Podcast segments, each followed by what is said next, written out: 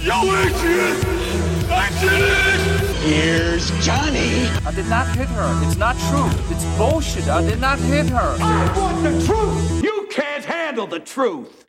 Hej och välkomna ska ni vara till Cineastpodden. Podden för oss som älskar film, där vi pratar om film. Filmer vi älskar, filmer vi hatar, filmer vi älskar att hata och filmer vi hatar att älska. Jag heter Andreas Barås och min gäst idag heter Sol Rydius. Välkommen! Tack! Sol är, eh, du är, kan man säga legitimerad, det är man väl inte, men legitimerad häxa, det är, är man väl inte, certifierad. Ja. Blessed by nature, oh. Oh. vad säger man? Självutnä självutnämnd? Nej, det är alla andra som säger det. Det är alla andra som säger det, Ja. just det. Eh, men du är ju liksom jag en nörd av rang och en av få människor som jag vet har kunnat outnörda mig i, i åtminstone vissa ämnen. Eh, och det är jättekul att ha dig med och du har faktiskt valt eh, den första filmen, eller det, dagens eh, film har du valt. Och det är filmen Besökarna, något så oväntat som en svensk eh, skräckfilm. Jajamän, från 1988 i regi av Joakim Ersgård hette han. Eh, som jag försökte göra lite research på den här filmen och jag hittade ingenting mer som den där mannen har gjort. Eh, det är för övrigt hans bror som spelar den här eh, enerverade vad heter det, eh, brevbäraren i filmen. Är det? Ja, och de har gjort en massa filmer tillsammans men ingen film har väl nått den här filmens höjder kan man säga. Den är ju skitbra. Ja, det är den absolut och vi kommer att komma in på varför den är så fantastisk. Eh, I rollerna så ser vi eh, faktiskt tre stycken, inte mindre än tre stycken eh, Guldbaggevinnare. Nämligen Kjell Bergqvist, Lena Endre och Johannes Brost. Och Kjell Bergqvist är ju, vill jag ju nämna extra, extra fina ordalagar eftersom han hela filmen, eller åtminstone halva filmen, går omkring i bara överkropp och är otroligt deffad. Eh, även om han dricker folköl och röker typ eh, hela tiden. Eh, vi ska försöka ta oss igenom den här filmen. Det är ju, den är ju extremt 80-tal, det måste Ja. vi väl säga för det första. Ja. Och vad kan vi gissa att budgeten ligger på, på den här filmen? Minus någonting. Kaffekassan från någon kommunförvaltning högst. Nej, men det, eh, det- det öppnar, med, det öppnar på med en landsväg där man eh, ser en Volvo 740 tror jag, Mhm. som glider fram längs de svenska, eh, svenska eh, landskapen. Och ju, musiken, det känns ju som att det är någon som bara har gått freestyle på en synt. liksom. Ja, den är väldigt dramatisk. Väldigt dramatiskt, men det är någon som har, man tryckt in tre stycken så... Du, du. Och eh, i bilen eh, så ser vi Kjell Bergqvist och eh, Lena Endre och redan efter, vad är det, 30 sekunder in i filmen får vi se hur jävla dåligt ljudsynkad filmen är. Ja, det stämmer. Tänkte du på det? Att Ja. all, alla liksom så här voice overs är Mm. det känns som att de kommer en nanosekund efter att de rör på läpparna så att allting låter fruktansvärt illa. Ja. Eh, Kjell Bergqvist och eh, Lena spelar Frank och jag minns inte, jag minns inte ens vad Lena Endres karaktär heter. Sara. Sara, heter Sara, hon, ja. ja. Frank och Sara och deras två barn eh, har köpt ett hus ute på vischan. Eh, och eh, de ska flytta in eh, där. Det Eh, framkommer inte vart någonstans det är, va? nej, det gör det inte. Nej. Men det är, det är på landet i alla fall. Ja. Eh, och Frank jobbar som reklamare tror jag. jag Typ.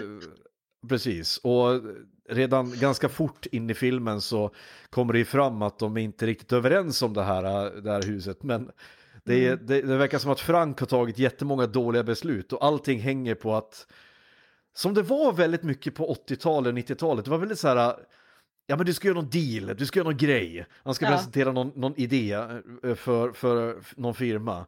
Allt hänger all- på detta. Ja, det här, det, ja precis, allt hänger på det. Det här med att göra en budget och så här. det, det, det föresvävar inte dem. Så att eh, nu är de fast i det här huset, långt ute på vischan. Och det första de eh, träffar på är en, en brevbärare som kommer upp där på... som sladdar upp på, på, eh, på gången där. Och En jävligt skön brevbärare. ja, eh, jag vet inte hur jag ska förhålla mig till honom därför att jag tycker han är så fruktansvärt dålig skådespelare. Alltså varenda, Ja. han säger så här. Ja, jag måste skaffa brevlåda. Jag tänker inte köra upp hit varenda gång. Måste Tjacka ner låda! Får tjacka låda. Tänker inte köra upp hit varenda gång. Får köra ner vid vägen vet du. Alltså. Och Lena Endres eh, eh, karaktär är journalist och hon säger men jag får ganska mycket post hit. Skulle du kunna tänka dig att köra upp hit? Varpå han då trycker in en banan i käften. Det är Som hans, han tar utav dem väl? nej, det kommer senare. Ja. Den, den första bananen är han snäll nog att ha med sig själv. Så, så att han, han, det har blivit liksom hans gimmick. Bara, Jag måste käka banan va, det tycker Ja. jag, det är min grej. Så trycker han in en banan i käften och säger bara okej då, men bara för att du är så trevlig. Men du måste tjacka låda! Och han svänger iväg. Så familjen gör sig hemmastad eh, och eh, vi klipper till att eh, Frank då, Kjell Bergqvist, försöker sätta upp tapeter i barnens rum. Och Mm. han gör någon slags Solstollarna-imitation där. Tänkte du Just på det. det? Ja, ja!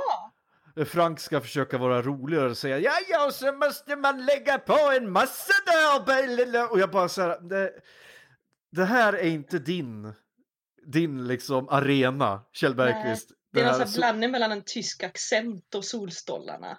Ja, det är fruktansvärt illa i alla fall. Men vi, eh, vi, eh, jag tror att ganska fort här, och det här tycker jag de gör ganska bra i den här filmen, att ganska fort så etablerar de vad det är filmen handlar om, att det är någonting som inte stämmer. Och det gör ju Frank på ett hysteriskt bra sätt. Kjell Ja. Bergqvists skådespel. Det vill säga han ser en dörr som står öppen och så säger han Fan, det är något skumt här alltså. Men den första reaktionen som jag hade fått var ju bara, ja, jag glömde stänga dörren. Ja, det drar. Det Ja. drar. Det drar, precis. Men eh, redan efter första natten, tror jag, eh, så har alla tapeterna ramlat ner i, eh, i barnens rum. Eh, och Frank eh, reagerar på, jaha, jag får väl sätta upp dem, jag måste vara något fel på klistret. Ja, Ja, eh, och vet du, det, jag, kom, och jag ska också säga det att Frank, vid varje tillfälle han får så tar han gärna en, en öl ur kylen och trycker i sig. Och det är, det är sån här, också en sån här 80-talsindikator, det är att det är sån här eh, eh, glasflaskor med lite aluminiumfolie eh, upp till kapsylen. Kommer du ihåg det? ja. Det var så typiskt. Han sprättar upp den, dricker direkt ur flaskan. Tittar ut genom fönstret, tänder en cigg, också en, en tidsmarkör, röker inomhus och så bara Ja, fan det är något skumt här alltså. Jag tyckte jag satte upp den, nu ska de ha jävla tapeten att hålla. Men, eh, redan efter, eh, jag tror inte ens går en natt till, utan de, de bara lämnar rummet. Och barnen ropar pappa, mamma! Och förresten, barnen, fruktansvärt, fruktansvärda skådespelare. Och jag, det, känns så, det känns så hemskt att hoppa på barn. Hacka på barnen. Ja, moget Ja. Andreas. Ja, jag tycker det, det, det är lågt, men det här är, det här är dåligt till och med för att vara barn. Ja. Mamma, mamma, pappa, kom! Det har hänt något. Ja, springer upp och då har tapeterna ramlat ner igen. ja. Och nu är det ju någonting skumt. Och dessutom, eh, så står de och borstar tänderna lite senare på kvällen. Och, Mm. och, och, och Frank lägger märke till att det bubblar i toaletten. just det. Ja. Och sen så hör han ett ljud. Det här, är väldigt, det här gör de ju ganska bra alltså. Att de, de fastställer att det är någonting skumt i huset genom att lägga in det här ljudet.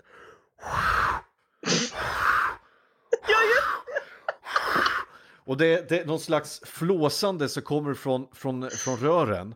Ja, Ja. Eh, och efter att de har ramlat ner en tredje gången så blir han förbannad och då måste de åka iväg och handla va? ja just det. det ja. Ja, de åker iväg och handla och då kommer Där en han för övrigt också knä knäcker en bärs i butiken och börjar dricka. Ja, han, han blir så jävla, han blir så jävla lack på, på ungen sin, på sonen som vill ha, som vill ha någon jävla, eh, någon jävla eh, Bil, ja någon jävla leksaksbil. Varpå Kjell Bergqvist säger, nej vi har inte råd, vi har inte råd hör. Alltså ställ tillbaka den här nu. Men jag vill ha den! Ja. Säger ungen. Snälla! Och så går han ner på knä och det är så Just jävla det. cringeig scenen så att jag vill, jag vill liksom, jag vill liksom så här, måste pausa och skrika rätt ut. För den är så jävla pinsam. Men, Men- det så- hjälper ju för han får ju bilen. Ja, men då vill han inte längre ha den! Jag vill inte ha den.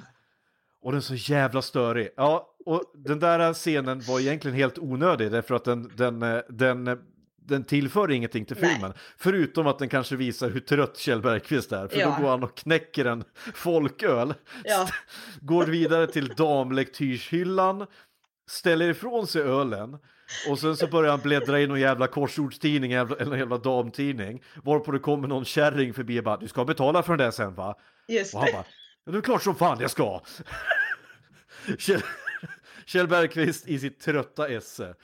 Går iväg, betalar för någon jävla biljävel, köper mjölk, 15 paket mjölk tror jag köper med. Kommer hem till Lena Endre igen hon säger Varför köpte du så mycket mjölk? Det kommer ju bli dåligt. Ja men då dricker väl jag upp den då! Säger Kjell verkligen. Dra, drar upp ett jävla mjölkpaket och börjar bälja direkt ifrån de här de här, kom ihåg, de här blå NNP, eh, eller om det var Arla, eh, vet det, eller om det var Milko-paketen. Bara, och, sen, och sen så Ja. börjar de, börjar de tjafsa igen liksom. Att, "Eh, varför köpte de här, varför köpte den här, den här bilen? Vi har inte råd med det. Vad fan, grabben tjatar ju! så, att, så att deras äktenskap är inte jättestabilt för att allting går ut på att Frank gör någonting och Lena Endre försöker, eller Kjell Bergqvist gör någonting och Lena Endre försöker vara the voice of reason hela tiden, men det går inte så jävla bra. Nej. Nej, men då kommer, eh, eh, det, börjar hända mer eh, konstiga saker. Va? Till slut så ramlar den, den tredje, ja, visst ja, Kjell Bergqvist köper ju i, i butiken så köper han hem någon jävla ding ding värde tidning Ja. där han ser en annons om en spökjägare. Eh, som han då bestämmer sig för att ringa för att nu har de här tapeterna ramlat ner för lite för många gånger så han har ringt honom. Och Yes. eh, på vägen hem, samtidigt som familjen är i affären så dyker då spökjägaren eh, upp hos dem. Eh, samtidigt som brevbäraren.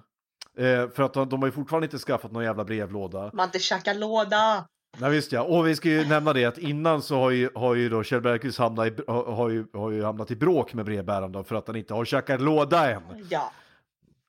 Eh, och var på han har slängt och han "Men fan, tänk om det regnar! Får ju gå in med, med posten för fan!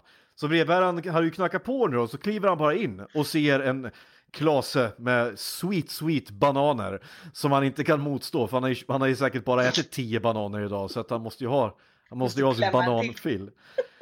Och då dyker då den här spökjägaren som spelas av eh, Johannes Brost i en jättefin lösmustasch för övrigt. Den, är, den är, ser, ser nästan inte alls påklistrad ut. Och det blir nästan sån här eh, Stefan och Krister förväxling där, där, eh, där eh, spökjägaren då tror att det är eh, brevbäraren som är Frank. Precis. Ja, men eh, familjen kommer hem i alla fall, brevbäraren sticker, eh, sticker därifrån och Frank blir kvar med den här jävla spökjägaren. Ja. Varpå, eh, varpå det blir klipp sen. Lena Endre är lite trött på Franks ytterligare dåliga beslut. Men nu sitter Frank och spökjägaren nere i, i köket och super. ja, just det. Medan familjen sitter uppe och Frank då börjar berätta eh, en hemska historier om tidigare han var med om. Han polare till honom som var med om när, eh, när det var demoner i ett läskigt hus. Demoner, just det. Ja, Demoner. Och då hör de ett ljud ifrån eh, från vinden. Varpå de, de glider upp till vinden och eh, där finns det en dörr. En dörr eh, på en vägg eh, som de inte får upp. Och de hör något ljud och så blir de skrämda. Och så eh, inser de att, eh, eller inser spökjägaren då, som heter Allan för övrigt. Det är jättehardcore hardcore namn på en spökjägare. Det är inget, inte något Ghostbusters här utan Allan heter han. Han, ursäkta jag ska dricka lite kaffe här också. Allan bestämmer sig för att ta med sig sin Ghostbusters-utrustning in i huset. Och det är någon slags låda med en jävla massa instrument. Och som jag förstår det så är det någon slags spöklaserkanon som, som skjuter på spöken om det dyker upp något. Och då dyker det upp ett spöke, tydligen, för den börjar skjuta vilt överallt. Ja, den Den här- hela huset.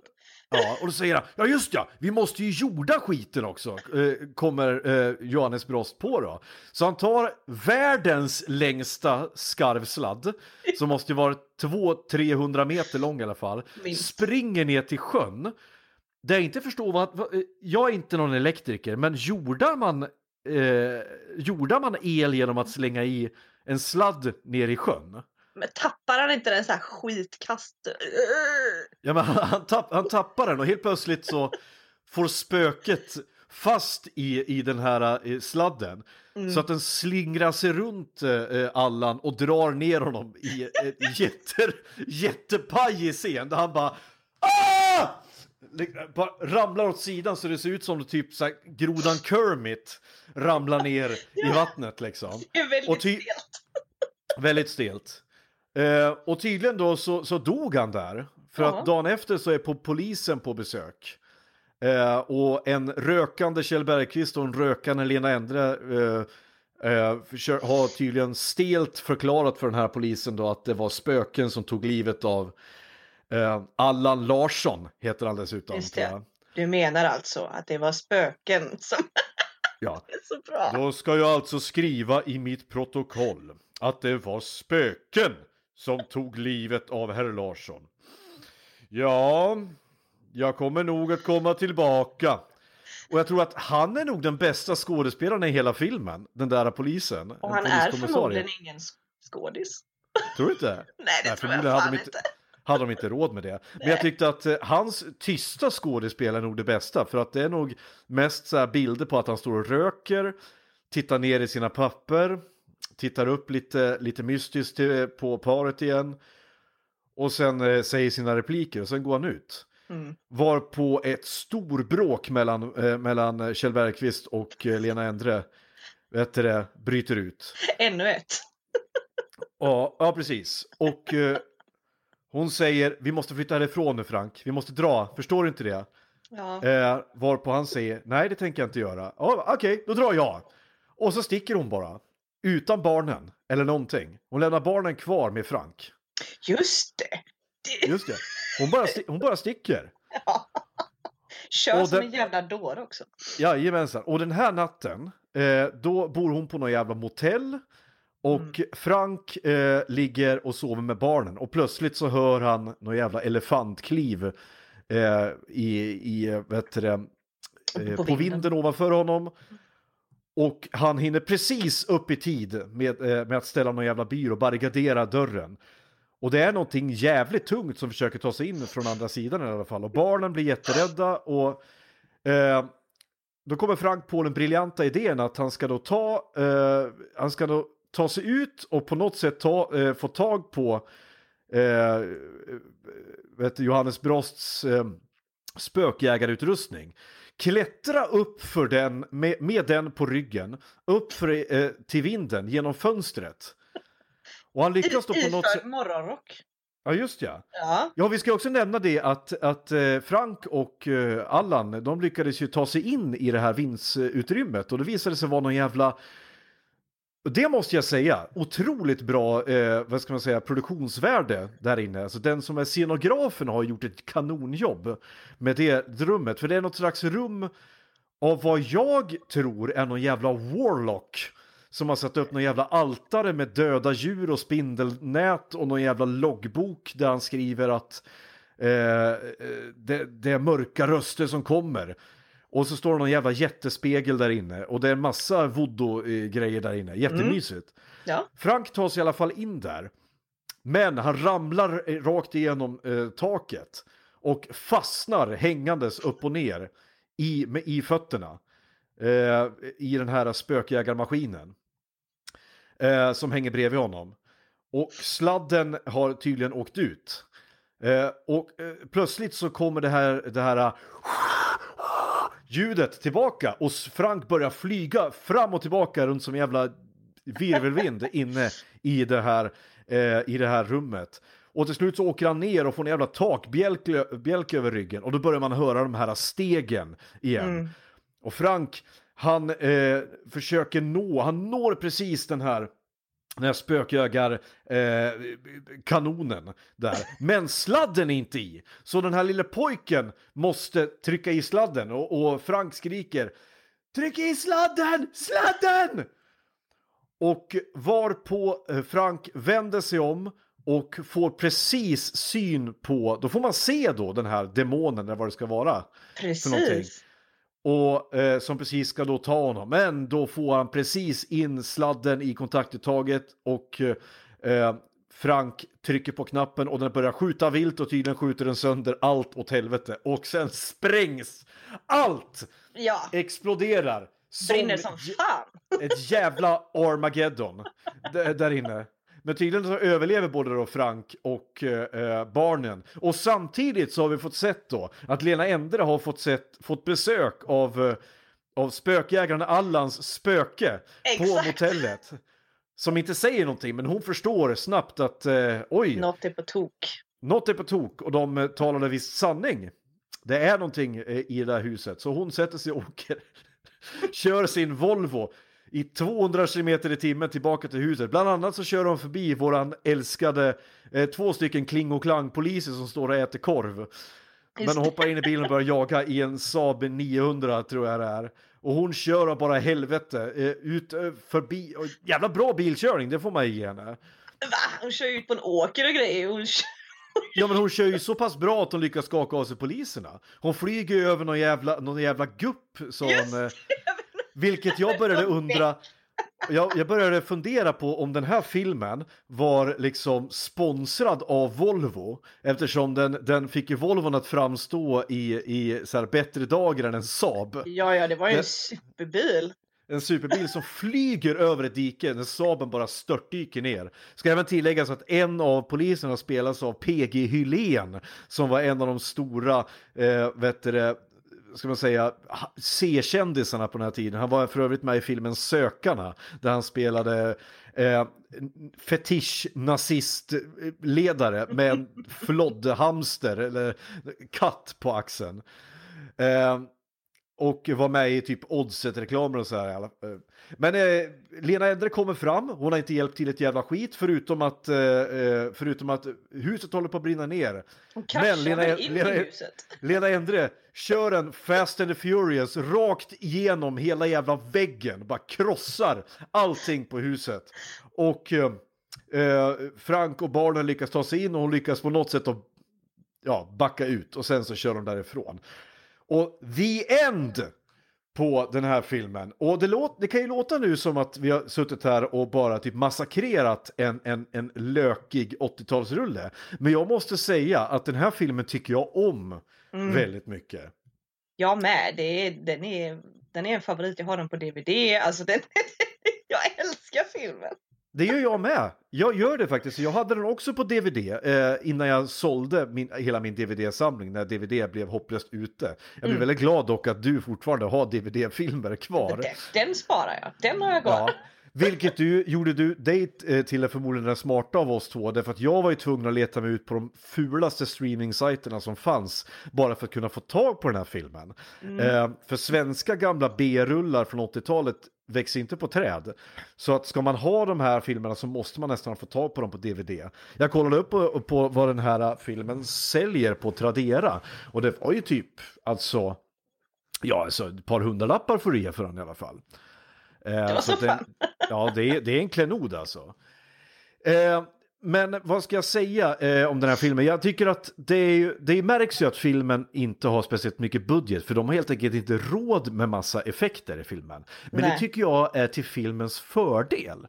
Därför att jag minns när jag såg den här första gången att jag blev nog fan, jag såg, det var nog mina tidiga tonår, och jag blev nog på riktigt rädd för filmen. Mm. Alltså jag tyckte att den, den är på riktigt obehaglig. För de, det de gör är att de använder eh, ljudeffekter på ett väldigt bra sätt. Även om nu har kackat på hur dålig ljudmixningen är så är åtminstone ljudeffekterna och ljudmattorna rätt bra. Det är lite halvpissig syntmusik, men det är tillräckligt för att man ska förstå att okej, nu är det en spännande scen. Och, och nu är det en glad scen, då kunde jag lika gärna lagt in liksom en typ munspel eller en banjo när brevbäraren kom. Ja. Men det behövde de inte göra. Men de här enkla saker som att eh, det, det, det bankar i golvet och det bankar på en dörr och, och massa saker. Och sen att de spa- är väldigt sparsamma med att visa eh, vad det är för, för, för spöken som är i det här huset. Ja, det är Jag väldigt näst- subtilt hela tiden, men det är ändå hela tiden hotfullt. Ja, och jag kan tänka mig att det är så här, ska man göra en skräckfilm i Sverige så är det ju, det är ju så här man ska göra då. Eh, den gamla klassiska spökhistorien om hemsökt hus, det är det mest klassiska. Jag är väldigt svag för den typen av av, eh, av skräckfilmer. Alltså monsterfilmer och sådär, det, det, det reagerar jag inte alls på. Men klassiska Haunted House är min favorittrope. Det är ju ingen poltergeist. Om jag, skulle, om jag skulle säga att Poltergeist är nog, liksom, det är nog standarden för vad, hur man gör en Haunted House-film. Jag, jag älskar den filmen. Men eftersom de inte har den budgeten så kan de inte göra det. Men det här, här klarar de sig ändå ganska bra.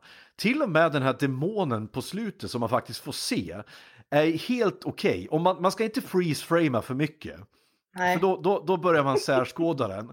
Utan när den, jag kommer ihåg när jag såg den med en kompis första gången. Och han, jag, jag hade ju sett den innan så jag visste vad som skulle komma. Men när den kom, eh, den här demonen, den flashade bara förbi i en sekund. Ja, Så skrek han rakt ut för han blev så rädd. För det blir en sån, det blir en sån, eh, vad ska man säga, jump scare.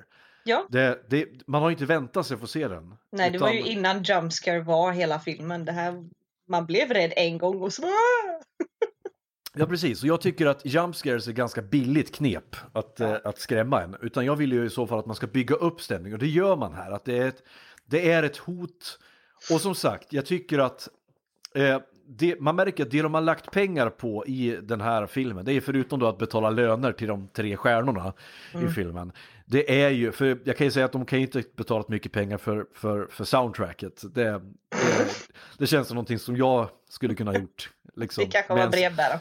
men sen här kommer ihåg den här leksaks Casio synt som man kunde sätta på eh, autoplay med så här wake me up before you go go.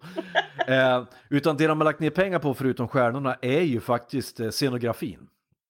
Det är ett creepy hus eh, som skulle, eh, som jag, ja det finns ju inte förmodligen längre för de spränger det åt helvete.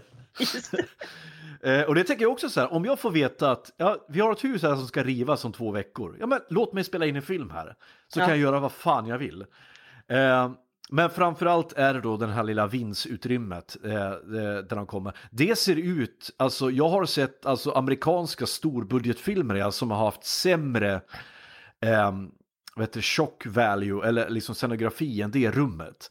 Det påminner lite grann om, tänkte du på det, eh, Evil Dead? Jag tänkte precis säga det. Ja, där de hittar liksom Necronomicon och, och allt det här. Precis, Alltså, så, ja. så det märks ju att den här filmen har influerats av någonting. Mm. Eh, med all rätt, därför att Evil Dead är ju en, var ju en, var och är en stilbildande film för hur man gör skräckfilmer. Mm. Eh, har vi någon, vad kan vi säga mer om den här filmen? När såg du den första gången? Jag, jag tror jag var typ 9-10 kanske. Mm. Och jag var livrädd för den. Jag tyckte den var så jävla läskig. Och det var Mm. en scen som skrämde mig mer än alla andra och det är ju när eh, Kjell Bergqvist och Lena Endre de ligger och sover och så Oskar är ute. Ja. Du vet vilken scen jag menar? ja, jag vet exakt vilken scen jag menar. Mm. Och då, eh, hon ligger och sover, han vaknar till och så liksom lyser blixten upp rummet och han tittar på henne och då ligger hon och skrattar i sömnen och tittar på honom. Ja, så just det. flinar och jag tyckte det var så obehagligt. Just det, för det är en mardröm va? Det, det, det, är liksom, det händer inte utan det är Nej, som... man, det får man liksom inte riktigt veta. Han tänder ju lampan, väcker henne och Ja. hon undrar ju vad fan han håller på med. ja. Men han, ja, det är bara något så här konstigt, väldigt obehagligt. Vad fan var det där? Ja. Nej, men jag, jag håller med dig, jag tycker också, det, det är också kan man säga, det är väl nog filmens första jump scare. Jag ljög Mm. lite grann förut. Det den jump scaren och den med demonen. Det är de två. Eh, men jag tycker att, som sagt, du har helt rätt, den är obehaglig därför att man såg den inte komma. Nej. Men eh, jag, jag, har ju väldigt goda minnen av den här filmen också, därför att jag, den fick mig att liksom känna mig illa till mods. Nu känner jag inte samma sak, för nu är man ju lite mer luttrad. Men eh, jag, har ju, jag, tycker, jag, jag är väldigt förtjust i den här filmen, därför att jag, på samma sätt som jag är väldigt förtjust i svenska 80-talsfilmer. Det ligger liksom en Jönssonligan-aura över filmen. Ja, Det här med att folk röker hela tiden, det dricks öl, ta mig fan hela tiden. Kjell man Bergqvist- bråkar om jättekonstiga grejer. Ja, och Kjell Bergqvist så här helt omotiverade ilskeutbrott han får. Han Vad bara, är spriten? ja men då dricker jag väl för fan upp den här jävla... Den här, den här, han är förbannad på Lena Endre för att hans jävla reklamidé inte går igenom. Ja men vad fan vilket jävla stöd du var då! Jag dricker väl upp, vad fan är spriten? Och så, Ja men, ja, men replikerna är ju helt underbara. Vad är det? Han säger ju någonting. Det är något jävligt skumt i det här huset och då säger hon ja och han heter Frank. Ja det är så här, ja. Ni är så trött på Och jag kan säga det, hade det varit några andra skådespelare så hade det ju inte funkat. Nej. Men det gör ju alltså, Kjell Bergqvist och Lena Endre gör ju det här att det funkar. För här har vi två superproffs liksom. Men det är ju liksom med all rätta de här två, båda två har vunnit eh, Guldbaggen sedan dess. Och Johannes Brost, som jag när jag såg den här filmen inte hade sett några andra filmer än jag tror att det bara var eh, den här Black Jack jag hade sett med honom och eh, Rederiet. Eh, men det är först på senare år när han gjorde den här filmen Avalon. Såg du den? Nej. När han spelar någon slags förlängd version av sig själv tror jag. En, en, någon partyprisse som har alkoholproblem. Eh, och det var ju lite allmänt, jag ska ju inte ta heder och ära av, av Johannes Brost som jag älskar honom väldigt mycket. Eh, han har ju tyvärr lämnat oss eh, för några år sedan. Men det är ju att eh, han var ju känd för att han inte gick framför kameran utan ett par mellanöl under västen.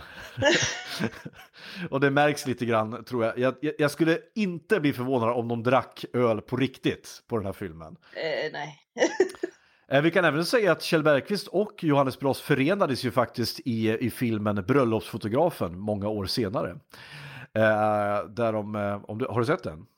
nej, för det känns inte som en film jag skulle gilla.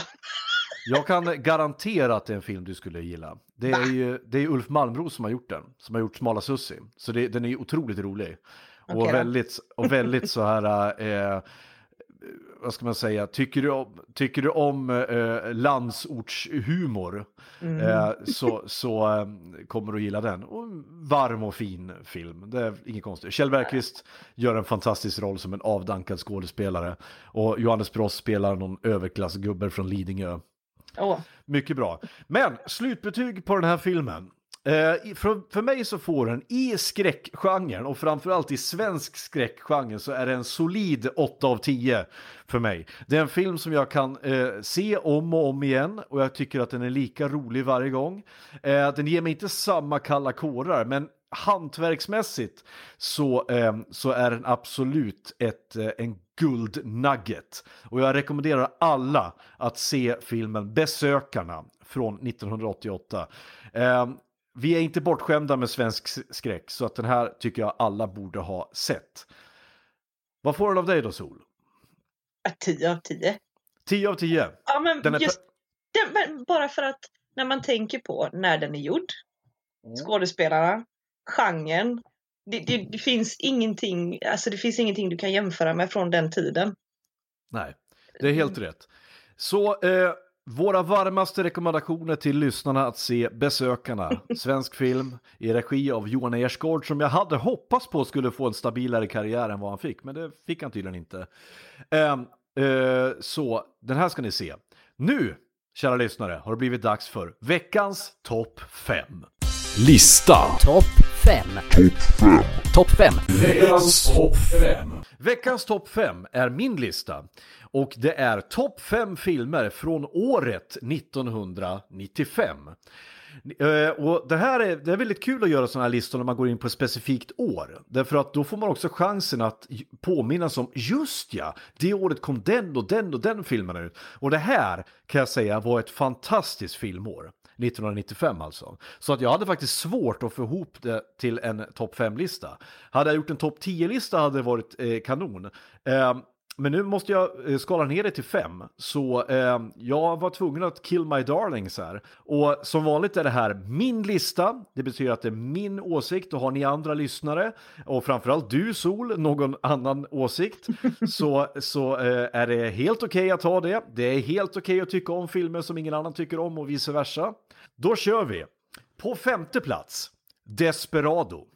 Robert Rodriguez eh, vet det, remake av sin egen lågbudgetfilm för några år tidigare som heter El Mariachi. Som handlar om eh, eh en, en just en mariachi som är då en ma eh, mexikansk eh, musiker. Så man kan hyra ett mariachi. Ja, trubadur, men du kan ju hyra ett helt band med mariachis. Mm. Eh, och så, som har olika instrument och så spelar de spanska låtar.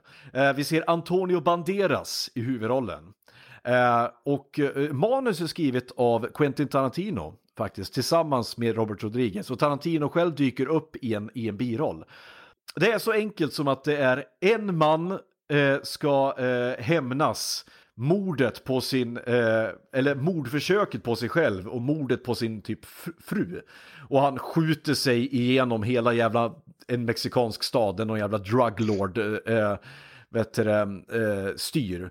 Och eh, det som gör den här filmen så fantastiskt bra är att det är ju första gången, förutom då El Mariachi, som vi fick se Robert Rodriguez eh, kärlek till övervåld. För det sprängs saker hela jävla tiden. Det är fantastiskt soundtrack, bland annat sjunger, sjunger ju Antonio Banderas eh, en låt själv. Ehm, som man gör fantastiskt bra. Eh, det är mycket så här mexikanska tropes. Eh, jag tror, eh, vad heter han, Danny Trejo dyker upp som en knivkastande eh, eh långt innan karaktären Machete var, upp, eh, var uppfunnen så dyker han upp som någon jävla, någon jävla eh, henchman som kastar knivar. Antonio Banderas eh, kallar in sina sina mariachi-kompisar som har vapen i sina gitarrfodral. Varpå en har en raketgevär i sitt gitarrfodral och den andra har två typ kulsprutor. Och det är bara fantastiskt övervåld, fantastiskt mycket explosioner. Salma Hayek går, är med och hon går omkring ja. i, i, i, i sådana här typ ja, mexikansk damkläder eh, med, med, fantastisk urringning hela, hela filmen. Det sprängs, folk flyger åt alla jävla håll och Quentin Tarantino blir skjuten mitt i en, en av sina snuskhistorier som han alltid berättar. Har du sett den? Jag har sett den, ja. Ja, det, det kan du rekommendera, eller hur? Ja, men jag, jag har nog bara sett den typ en gång och det jag minns mest är ju Salma Hayek. Salma Hayek är fantastiskt snygg. ja. Eh, under sina glory days så kan, kan hon ju varit en av topp fem snyggaste kvinnorna i världen förmodligen. Definitivt. På fjärde plats, Heat. Michael Manns eh, eh gangsterepos. Eh, som eh, handlar om där man får följa en polis och hans gäng. Eh, polisen spelas av, eh, av Al Pacino. Och ett, en rånarliga som leds av Robert De Niro. I andra rollerna så ser vi bland annat Val Kilmer och eh, Sharon Stone. Eh, och det är så kul att man får följa de här två gängen eh, parallellt. Eh, där Val Kilmer har då substansproblem och aggressionsproblem. Eh, och eh, Robert De Niro är, spelar ganska lågmält jämfört med vad han brukar göra. Al Pacino, han går ju 200% Al Pacino och skriker saker som Show me what you got! Show me what you got! Come on!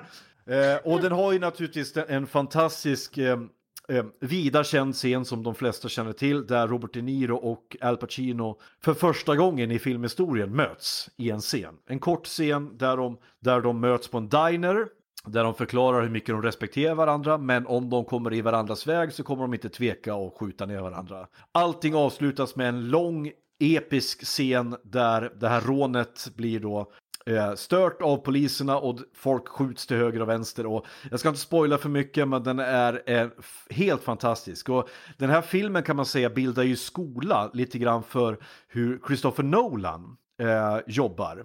Bland annat om man har sett eh, The Dark Knight-trilogin som han gjorde, Batman-filmerna, så är de väldigt, väldigt inspirerade av just eh, filmen Heat. Har du sett den? Nej! Då har du eh, en film som jag kan varmt rekommendera. Eh, men otroligt bra, jag menar, behöver jag säga mer än att Robert De Niro och Al Pacino är med i samma film? Bara alltså, där. Jag är ju inget Al Pacino-fan. men Men däremot är jag, ja. Ja, precis. Så, eh, och den här filmen kanske gör dig till ett Pacino-fan. Pacino är, var ju som, är ju som bäst tycker jag när han går full Pacino och skriker jättemycket. Och Typisk Al Pacino, ja. Ja, precis. På tredje plats, De tolv apornas armé. Terry, Terry Gilliam eh, regisserar den här filmen. Terry Gilliam är för er som inte känner till det, han var animatören och den som ansågs vara mest weird i hela Monty Python-gänget. Eh, eh, han regisserade en film med Bruce Willis i huvudrollen. Där eh, den utspelar sig i framtiden, där Bruce Willis, eh, där, där mänskligheten har i princip blivit helt utplånad av någon slags virus. Det, man Och får väl Bru- säga att det är en ganska, alltså det är ganska nära framtiden då va? Ja, det utspelar ju sig bara om några år. Jag tror att de Ja. gjorde, jag tror att eh, vi såg en sån här tidslinje och det skulle typ vara i år eller nästa år eller sådär. Oh shit. Där hela, hela, hela mänskligheten har blivit utplånad av kanske covid-19, vi vet inte. Eh, eh, och eh, Bruce Willis eh, är någon jävla mental patient som skickas tillbaka i tiden för att då stoppa terrororganisationen som då släppte lös det här viruset. Och ledaren för det terrororganisationen spelas av eh, Brad Pitt med hästsvans och löständer och tror jag några, några linser som gör honom vinnögd. Den är helt, eh, han, han, är, han ser helt fantastisk ut. Det, Ja. det, det, man ser att det är Brad Pitt men han ser så jävla grotesk ut i Kan vara en av de bästa rollerna han har gjort faktiskt. Ja, Brad Pitt, eh, jag önskar att han fick göra flera sådana där roller för att det visar ju vilken kapacitet han har. Att inte bara göra liksom eh, roller där han ska stå i ett hörn och vara snygg och ät, äta någonting. Och ta av sig kläderna. Ja, precis. Eh, den här tycker jag, det är en av mina absoluta favoritfilmer. Dels för att den har jättekonstigt kameraspråk. Det är mycket så här så kallade Dutch angles och det är alltså när man ställer kameran på sned och filmar. Och det är egentligen sånt som jag hatar om det inte är gjort i rätt kontext. Det finns en film som använt det i fel kontext och det är då filmen Battlefield Earth som är en av de sämsta filmerna som någonsin har gjorts. Eh, men i den här filmen så funkar det perfekt. Och alla har nog fått perfekt regi därför att de, Bruce Willis spelar sitt vanligt, vanliga skeptiska prata i mungipan och kisa lite eh, stil. Medan eh, Brad Pitt är ju den som skiner i hela filmen. Han bara, han bara går full jävla bananas. Och sen har den några så weird scener och ganska öppet slut som är väldigt tolkningsbart. Som gör att den här film som man kan se väldigt många gånger och, eh, och lägga märke till saker. Så det här är en 100% en film som jag rekommenderar. Eh, Du gillar den också eller? Den är ju skitbra. Har du sett den? eh, Har du något mer att säga om den? Jag, jag, jag kommer ihåg att jag var ganska, jag var, fan, jag såg den nog strax efter den kom ut.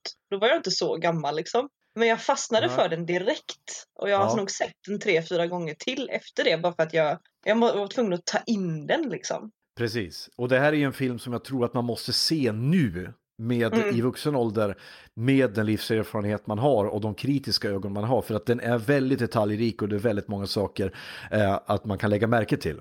Mm. På andra plats, nu börjar vi närma oss finalen här, The Usual Suspects, eller De misstänkta som heter på, eh, på svenska. Brian De Palma regisserar den här filmen, även känd för att ha gjort Scarface. Eh, Den här Usual Suspects, det är en film som, ska jag säga, är bäst första gången du ser den. Eh, utan spoilers. Den är bra även när du ser den andra gången, när du vet vad som kommer att hända. För den här är en film som bygger helt och hållet på sin twist. Eh, här, det handlar om ett gäng eh, småförbrytare, eh, bland annat Benicio del Toro, vi ser Steven Baldwin eh, och Kevin Spacey och några till. Som, och jo, eh, Kevin Pollack bland annat, som eh, får eh, bli kontaktad av en mystisk herre som jobbar för en ännu myst mer mystisk herre. Eh, och de ska utföra en serie, eh, serie uppdrag åt honom. Och sen så visar det sig att det är någon som börjar mörda dem en efter en. Och eh, ja, det här är en film som jag egentligen inte kan säga mycket mer om eh, än så. Därför att som sagt, den bygger helt och hållet på, på twisten som kommer på slutet. Men det här är en film som om man skulle göra en, en, en, topp 10 listor på filmer du måste ha sett så är här en av dem i alla fall. Har du sett den själv? Alltså, jag vet att jag har sett den, men jag kommer inte ihåg den. Då är det här en film som du direkt ska skriva ner på din lista att det här blir ett kvällsnöje. Någon, eh, för att det här är en film som, det, som sagt, den är gjord eh, 1995, eh, men den håller ta med fan lika bra idag. Lovande. 100 procent. Den är ett nöje varje gång man ser den. På första plats, och det här är en av mina absoluta toppfilm, äh, äh, äh, favoritfilmer of all time. Och det är filmen Seven. Eh, 1995 så gjorde då eh, David Fincher det här mästerverket. Med Morgan Freeman och Brad Pitt, på tal om honom. Andra filmen han är med i på den här listan, i huvudrollen. Det handlar om två stycken eh, poliser i ett, tror jag, New York. Eh, där det verkar som att det regnar hela jävla tiden. Eh, där de utreder mord på en mördare som mördar enligt de sju dödssynderna. Och den här filmen är så jävla mörk och så jävla brutal. Och varje offer de, de träffar på har mördats på ett, ett vidrigare sätt än det förra. Ja. Och det, den är så jävla deppig, filmen. Så att eh, det här ska vi inte heller spoila någonting. Därför att eh, jag kan bara säga det att det är en, den är spännande. Har man inte sett den så är den spännande från början till slut, hela tiden. Morgan Freeman är fantastisk eh, i sin sedvanliga roll som gammal och trött. För det har han, tror, har han varit i 30 år tror jag. Typ. Eh, Brad Pitt gör han en av sina bästa roller någonsin, tror jag. Jag måste ju säga att det spelar- är imponerande att han gjorde dem så olika filmer samma år. Det hade jag inte en aning om. Ja, de kom ut samma år, ja. Ja, Precis. Eh, men eh, Brad Pitt där då, eh, han spelar ju egentligen den snygge och kaxige polisen. Men han är nog den som har mest känsloregister i hela filmen. Han har några scener där, han, där man sitter och, och känner så mycket med honom och, och det han går igenom att det är svårt att inte liksom få en, få en klump i halsen själv. Det var inte så jävla tungt. Eh, och sen när det dyker upp en till känd skådis som jag inte vill outa därför att det spoilar också, också lite grann. Men det här är en, en film som man måste ha sett. Den, eh, den håller lika bra idag, en fantastisk thriller. Eh, fungerar, det, det är en sån här film som jag kan sätta på varje gång och bara, jag kan bara ha den i bakgrunden bara för att jag gillar att höra stämningen. Det totala jävla mörkret eh, i den här staden. Och det har blivit lite av David Finchers så här, signum i filmer som man gör att det, det finns liksom inget hopp någonstans i, i de här filmerna. Eh, några sista ord om, om Seven? Eh, jag tycker den är jättebra. Eh, den, som du säger, det är jätteäckliga sätt liksom de här Mm. ja, morden sker på.